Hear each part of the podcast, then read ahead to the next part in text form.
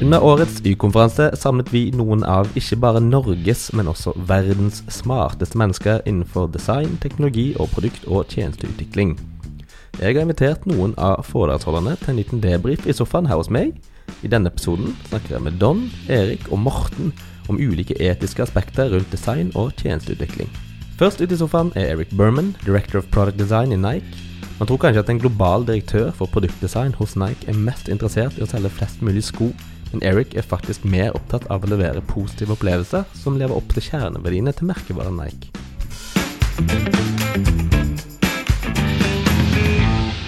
Uh, I talked about this concept of respecting vulner- human vulnerabilities and just really um, kind of technology's impact on those, and how, as uh, the people who work in these organizations, who are the ones building and creating technologies, how we can dr- move away from this concept of um, metrics obsession, of financial metrics, and move more towards a path of balance between those those things that we need to do as people who work in these organizations, and and and, and drive, um, you know, increase in in finance financial gains for the organizations we're part of, but also balance that with like the values that the organizations holds and sets themselves to. Um, and and and how kind of I've seen that landscape, especially as a designer, change um, over the last gosh, 10 years or so, where design has kind of moved into this space of, hey, we're user centric, we're very focused on creating great experiences for users. And then it was, hey, to get a seat at the table, you have to really be understanding the business. Don said it himself. You know, you have to understand spreadsheets, you have to understand the value you're trying to drive and the return on investment as a designer that you're driving from a financial perspective. Important, need to have those. But I've seen the pendulum shift for design um, and product, but mo- but mostly in the design space where I'm in, where it's really shifted into this mode of, hey, we are focused on um, uh, sh- optimizing, iterating upon this experience because I think this experience will drive incremental value of X, right? But we don't necessarily always talk about what is it going to do to people? Are we going to create new defaults in their life? Are we going to create create behavioral addiction? Are we going to create depression by creating this? Are there external external forces and externalities that are going to occur because of what we've created? Those questions kind of go by the wayside when you're only thinking on the financial side. Yeah. So if you had like one piece of advice for the, the people who heard your, your talk today, you had to boil down to one thing, what would that be?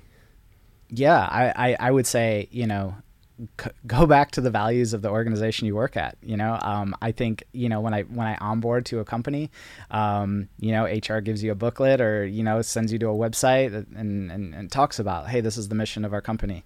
These are the values that drive us. Right? But how much do we integrate those values back into the work that we do? When I'm telling a story, and I would say that the second part of this is when I'm telling a story of of, of uh, the work I want to do to um, to create a better experience how do I tie that back to the values of the company that I'm a part of, right? It's a lot, it's hard for designers, and Don mentioned this as well. It's hard for designers today to really be in the room and to be at the table to have those discussions. And if you can pair it with not only the financial be- benefits of the things that you want to create, but also tying it back to the values that's that those or that those leaders of those organizations have set, they're gonna have a hard time not listening to you. I think um, I've seen it firsthand. I've been in those rooms. I've, I've, I've, I've caused stillness in a room before when I've seen these amazing stories that people create, and then I, and then um, I see how they're going to track progress and success, and it's like revenue, engagement. Okay, but what, what about the people that you said in the story that you're trying to serve?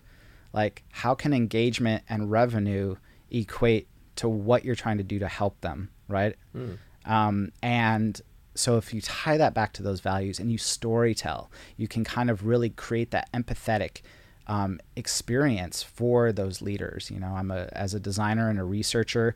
I you know I've always found you can go in and you can give a quote that a user said on use uh, from some usability testing, and you and and people kind of really take that to heart and they say, oh wow, we have to change this experience because it's not making people, you know, people don't like it or they were very confused by it or or this and that. And it's not just my perspective; it's it's the perspective of the people that are using the product. But how do you go even further with that? How do you ask like, hey, is this product impacting you in a positive way? Is it meeting the values of, of the um, of the of the of the mission of the organization. Um, how do your values line up to the mission of this company, right? And if you can bring that story alongside, I think it would make have a huge impact into how really we we we shift the defaults in how we work today. Do we have to kind of hold companies in a way accountable for the values they say they have? You can't exactly. just say you have values; you have to actually live them out. Exactly, exactly, man. I, I, you know, I work for a company that is who, near and dear to them are, are their their maxims, and you can find these online. And these are those things of, you know, do the right thing, be on the offense always, like you know, you know, m- make sport a daily habit. Like, how do you? Okay, great. These are amazing. Okay, I work in digital space. I need to account for these as well. It's not, you know, it doesn't have to come from different areas of the business. Everybody in the business is accountable for the values of what you're creating. And I think that if we align ourselves closer to those, I think it'll help shift the mindset a little bit of how we operate and work. Hmm, that's cool. Yeah. Um, so last question. So obviously you were our uh, second speaker, so there haven't been a lot of talks, but uh, you got to see Don Norman hold I the did. opening remarks. I did. Did you uh, do you have any thoughts about it? Do you have anything you thought was uh, stood out? yeah, I mentioned it on stage. It was life confirming. It was amazing. Um, I never thought I would be in a place in my career where I was able to share the stage with a legend like that. And I will say a legend. I, I don't know how much he appreciates being called these things. You know, he, he, he seems like a person who who is re- relatively like you know doesn't doesn't doesn't think about that like doesn't think about his career like that in that way but a lot of people look up to him i look up to him when i got into this career i didn't know who he was and then i found out who he was i didn't and and i and i studied him and i studied his work and in the last five years I have shifted my mindset um, to be thinking about what I've talked about today. Um, and it was so confirm life confirming to sit there and hear him talk about those same things. To know that while I was having these moments and these thoughts, he was writing a book about it. Mm. You know, and and it, and it just feels like there is a shift. I think I've heard the people speaking or the people asking questions out on uh, out in the audience, I think there's just there's just the shift in mentality that we do need to make a change. Right? There's experiences that we're creating that are bad for the environment.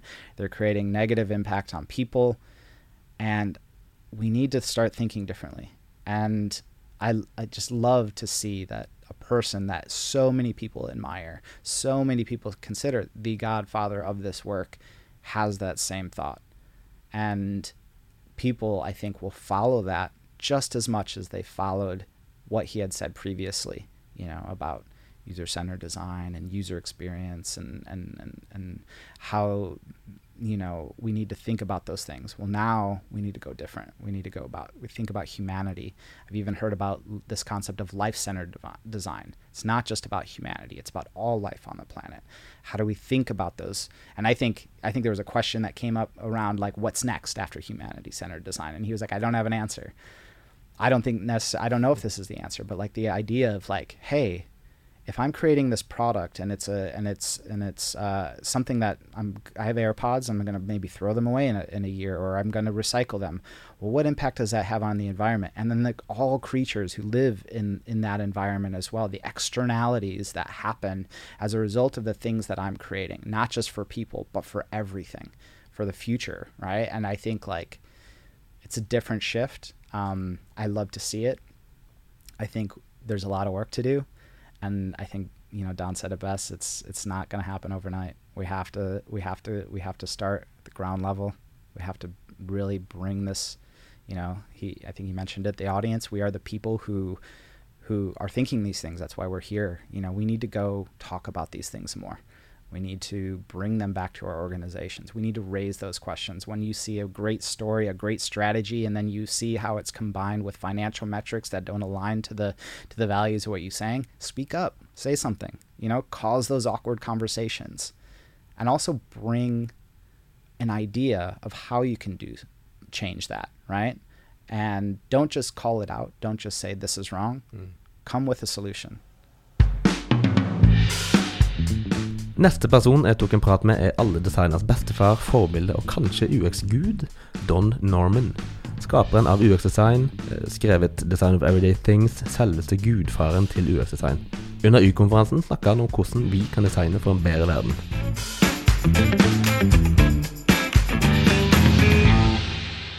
We have always been focused upon the, desi- the design and how it's going to be used, uh, the product, uh, the service, and uh, that led to good products and good services, but we ignored the environment, we ignored what we were doing in different cultures to people's lives. And I'm saying we have to change that. We have to, that's why I say we switch from focus on human to humanity, all living things, including all the plants and animals, because they Im- ultimately impact our lives.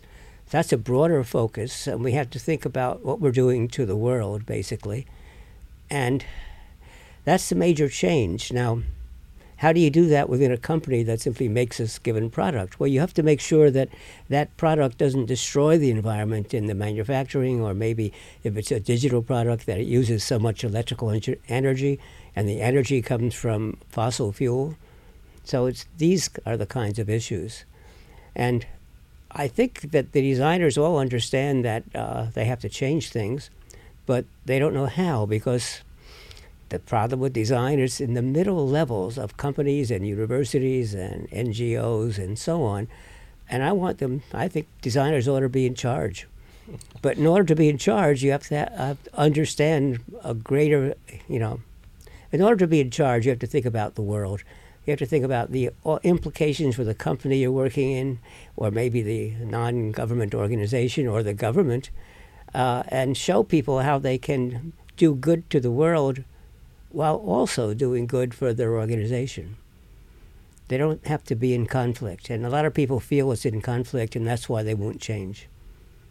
And that's kind of what uh, Eric was talking about earlier. Like, do you think it's possible within this kind of capitalist system that we live in to to, to move away from KPIs that are about revenue and about increased consumer base and all this stuff. well, a few companies are doing it, and uh, yes, uh, I think Eric's talk was very closely related to my talk, and the uh, it's it's it's the system. The ec- I'm going to call it the economic system, not the capitalist system, because I think the economic system we are in today is wrong.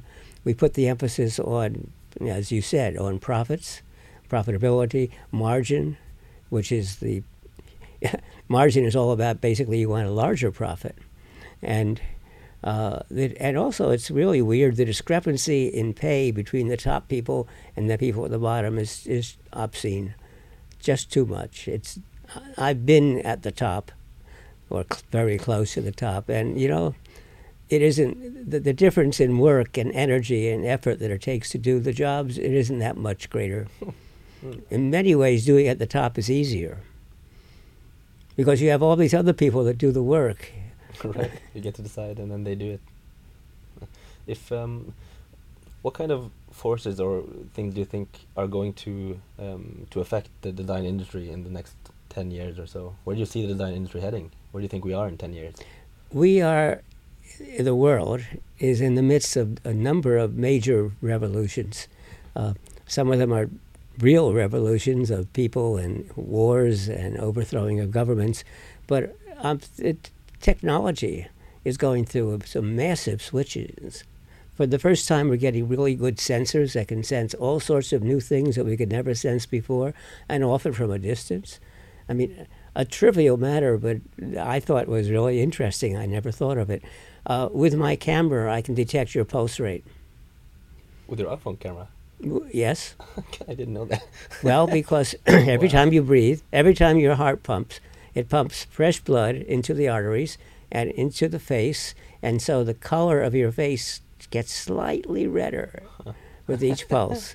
And by detecting the slight change in hue, you can detect the blood blood rose. So, slight change in hue, you can detect the pulse, but we can also measure blood pressure and all sorts of other things that never you never thought could be measured before.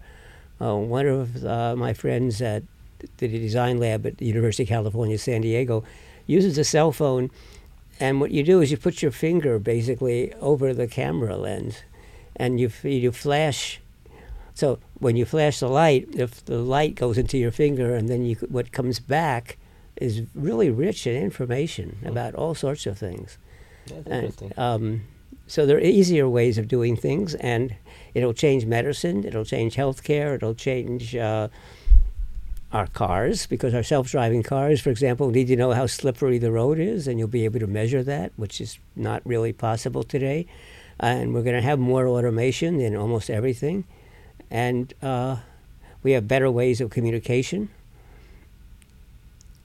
new types of you know reality, visual, uh, virtual reality, mixed reality, augmented reality, uh, all of which play can play important roles in maybe in niche areas or specialized areas. And what else do we have? Well, we have the gorilla in all of this, which is Chat GPT, which I think will revolutionize things and make life easier and more powerful. And if we don't, if the designers of the world, and for that matter, all people, don't learn how to use it to improve their work and improve their lives, uh, they may lose their jobs. But I don't think it has to be that way. I think it actually will simply make us do do better work. Because I've been thinking about like e- even since the industrial revolution, when they they had machines in the factories, and they would say, oh, they uh, so many hours of manual labor can be freed, so now people can finally enjoy their leisure time, and they will have more leisure time. And if we're saying the same thing now, how how can we stop uh, kind of the same thing from happening, where where a lot of tasks will maybe be taken over by by AI and ChatGPT, and will But guess what? We invented new tasks, and so people's lives did become easier. By the way, we no longer work those horrible hours in the old days, a lot with ch- uh, child labor. that's true. but we still spend too much time at work. I feel, and it's still not always a, an ideal. You're doing the work that you don't enjoy. You're doing the work mainly to get enough money to live, and even then, you sometimes don't get enough money to live. And uh, there are a few people like you and like me who are doing work that we really enjoy, but that's a relatively small number. Mm. So it's hard to extrapolate from the Industrial Revolution because that was replacing muscle power basically with machines. And today we're replacing brain power with machines, and it's a very different kind of replacement. Siste person jeg fikk æren av å snakke med, er Morten Rand Henriksen i LinkedIn. Han snakket om hvordan vi som designere og teknologer ikke bare har makt, men også en plikt til å designe for en bedre verden. We broke it, now we fixed it. designers have a political responsibility because when you we design things we're making decisions for other people about how they can do and be in the world and this is a responsibility that designers have kind of avoided talking about um, but what we see in is technology has such a huge impact on the world and the values that are baked into technology are often the values of very rich white men in america and we need to start thinking about what values we bake into our products and what kind of future we build. And the reality is, we as designers are the means of production of the future. So, you know, Karl Marx said, seize the means of production. We are the means of production. And if we actually work together, Hmm. build ethics around design, and start focusing on the dignity of our users, then we can build a better world in spite of the values of these ultra rich oligarchs who are Hmm. currently controlling everything. So that was that's a little more than 30 Nice. seconds, but that's the talk. Yeah, that's good. The Designer, see thyself. Yes. Um, so, uh, in an ideal world, how how do you see the the design business looking in three to five years? Design, I hope, will be able to shift focus away from value extraction to value creation. Mm. And by that I mean when we design things into the world with the intent of earning money, we end up using users, other people, as instruments to succeed, to make our designs succeed. And the success metric of most of our designs is did people buy more than they intended to? Mm. right? Did they buy the new phone even though they didn't need one? Did they spend more time on TikTok or YouTube? Did they go deeper into the algorithm and feed the algorithm more information that we can then use to give them more targeted ads? Like the whole value structure around this is so divorced from what we actually care about as people. But designers have the capability of stepping in and saying we're not going to do this.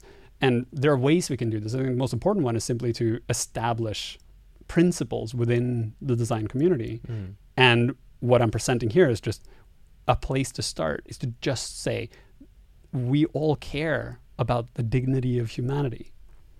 And when we make design decisions that conflict with the dignity of people, then that should be a signal to stop Mm. and move on. So that's what I hope we can achieve. Mm.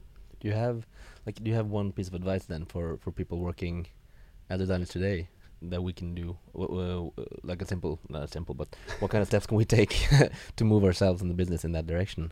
Uh, the first step is to start looking at what capabilities you're modifying in your users through your designs, and think of any any design is a capability change of some kind. It's something as trivial as like if you print something on a piece of paper, you are creating a capability for someone else to get the information off that piece of paper Mm. and use it in some way, right? And if we start looking at instead of looking at uh, the success metrics of the design as in like did it produce the ROI we wanted or the sale we wanted, but look at did it give the user the capability Mm. to achieve what they came here for? Whether that would be to buy one thing or if that was to just get a question answered and not be like bombarded with ads for something that they ended up buying.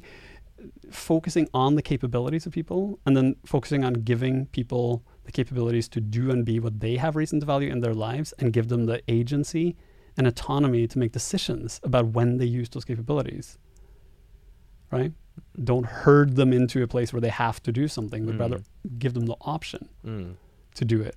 Hmm. That is a place to start. Because the reality is if you go to your company and you say let's investigate like what we're actually doing at the user end that is an, an open door to further user research. It's an open door to usability research. And it usually opens up new opportunities because you start realizing oh there's this user need we weren't aware of and if we give them the capability to solve this problem then they are able to function better in their lives and they'll have a positive experience which will reflect good on our company so it may not we may not make that extra conversion right now but the long-term value is much greater Mm.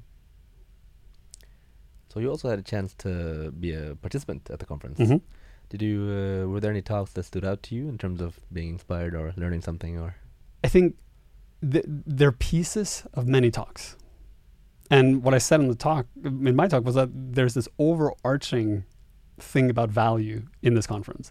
And there's this interesting thing with like values used in different ways. So some people use value to refer to like financial value or to the value you create for the user, right? But there's clearly in this community a concern around this like, how are we creating value and what types of value are we creating the other th- thing i noticed was that it's a lot of talk about productization of things Mm. which is new and there's almost like a shift away from ux like straight up ux to product design Mm. and i don't know because i mean I'm Norwegian, jeg snakker norsk også, ikke sant? men norsken min er så rotete at jeg er bedre, det er bedre at jeg snakker engelsk. But the, uh, there's, I don't know if it's here in Norway, because I don't live here anymore, Mm. or if it's an actual trend in the UX community that I just haven't noticed before. Mm. And there were other people also talking about this, Mm. right? So there's definitely some, there's something shifting in the whole community, both around this idea that people are starting to recognize that design is more than just design. It also has impacts on the world, and how do we navigate this, and how do we navigate the power we have, Mm. and also this shift away from it's not pure design; it's about creating things.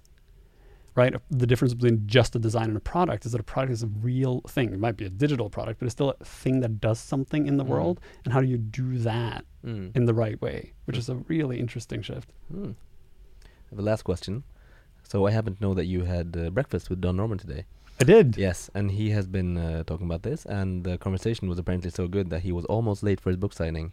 Uh, he wasn't almost late for. He was late, yes. he I was was, trying to- super. it's all my fault. yeah, so I'm curious, like, what, what what kind of conversation do you guys have that was so interesting that he that he was late for his book signing? We talked about this, like this. Uh, well, we talked about many many things, but the the overall topic was this: how do we move design forward, and how do we create an ethics for design that works for design? Because if you go look at all other industries in the world that have direct impacts on people's lives, every single one of those industries has self-regulated Mm. and has created design and in many uh, uh, ethics and in many cases has gone to government and said hey we created these rules can you please enforce them on our behalf right Mm. which is why like if you're a structural engineer and you build buildings or bridges and something goes wrong Mm. there are actual legal consequences to that because the design of a bridge can impact people's lives Mm. All design impacts people's lives. And the work the work we do i mean look at things like online addiction is the result of design. A designer figured out how we can make a video scroll so that you keep scrolling. A designer created the algorithm to make it more addictive right? These are decisions that were made. Mm. but in our community we have not we have chosen not to self-regulate. We have chosen not to have a code of ethics and not have any way of enforcing it. So when a designer intentionally or unintentionally or forced by a company to create something that is harmful people have no recourse and they also have no reason to not do it. There's there is no consequence to it. The worst thing that can happen is you get like a bad write-up in the news and then it gets overshadowed by some other catastrophe and then it's gone Mm. right? I mean the techlash that came around brexit and trump and all that stuff where like everyone was like oh my god we need tech ethics Where- did that go like everyone was talking about it and we were like Yeah, yeah this must happen and then there was like a pause for three years as Yeah. the whole world just stopped during the pandemic Yeah.